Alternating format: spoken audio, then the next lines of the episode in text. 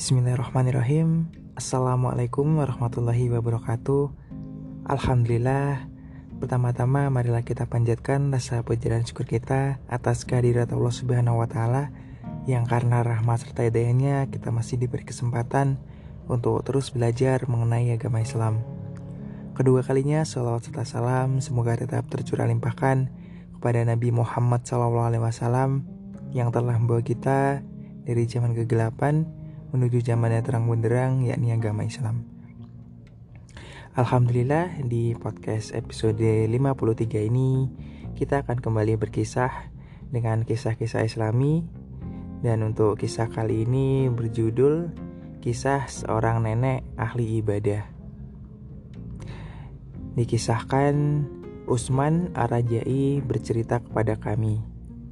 Dia berkata, Hari itu saya pergi dari Baitul Maqdis menuju ke salah satu kota untuk suatu keperluan. Di tengah perjalanan, saya bertemu dengan seorang nenek mengenakan pakaian dan kerudung dari bahan bulu. Lantas, saya menyapanya dengan mengucapkan salam, dan dia pun menjawab salam saya. "Nak, engkau datang dari mana?" tanya si nenek itu kepada saya. "Dari kota Anu," jawabku. Lantas, engkau mau ke mana? Tanya si nenek. Ke kota Anu untuk suatu keperluan, jawabku. Berapa jarak antara tempat tinggalmu dan kota tujuanmu? Tanya si nenek. 18 mil, jawabku. Kamu rela menempuh jarak sejauh 18 mil untuk suatu keperluan? Pasti keperluan kau itu sangat penting, kata si nenek. Iya, benar, jawabku. Siapa namamu?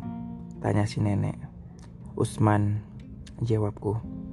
Wahai Usman, kenapa engkau tidak meminta kepada pemilik kota itu untuk mengirimkan keperluanmu itu kepadamu sehingga engkau tidak perlu susah payah menempuh perjalanan sejauh itu, kata si nenek.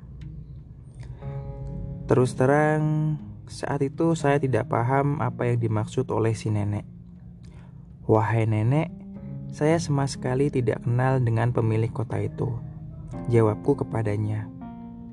Wahai Usman, hal apa sebenarnya yang sampai bisa membuat perkenalan engkau dengannya begitu gersang dan memutus hubungan antara engkau dengannya?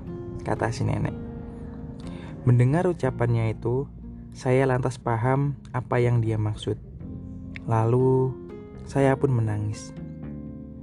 Kenapa engkau menangis?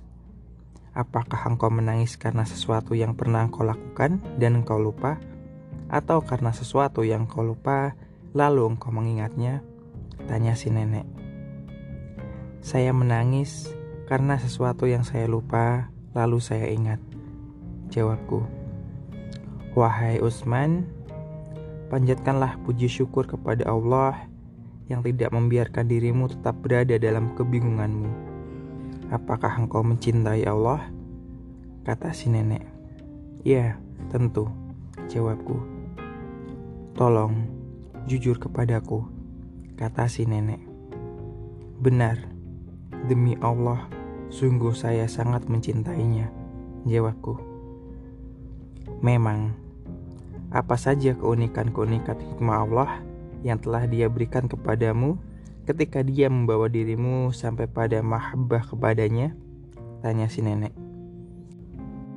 Mendapat pertanyaan seperti itu, saya pun kebingungan dan tidak tahu apa yang harus saya katakan.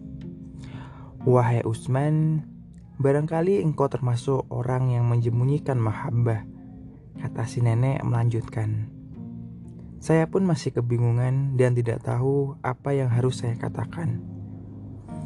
Allah tidak ingin membiarkan keunikan-keunikan hikmahnya, rahasia-rahasia makrifat dan mahabbah kepadanya terkotori oleh perilaku hati orang-orang dungu.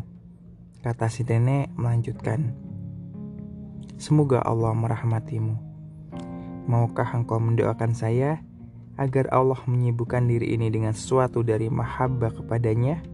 Kataku memohon. Lantas, Si nenek mengibas-ngibaskan tangannya di wajahku, Lalu saya mengulang kembali permohonan saya tersebut. Wahai hamba Allah, pergilah untuk menyelesaikan keperluanmu.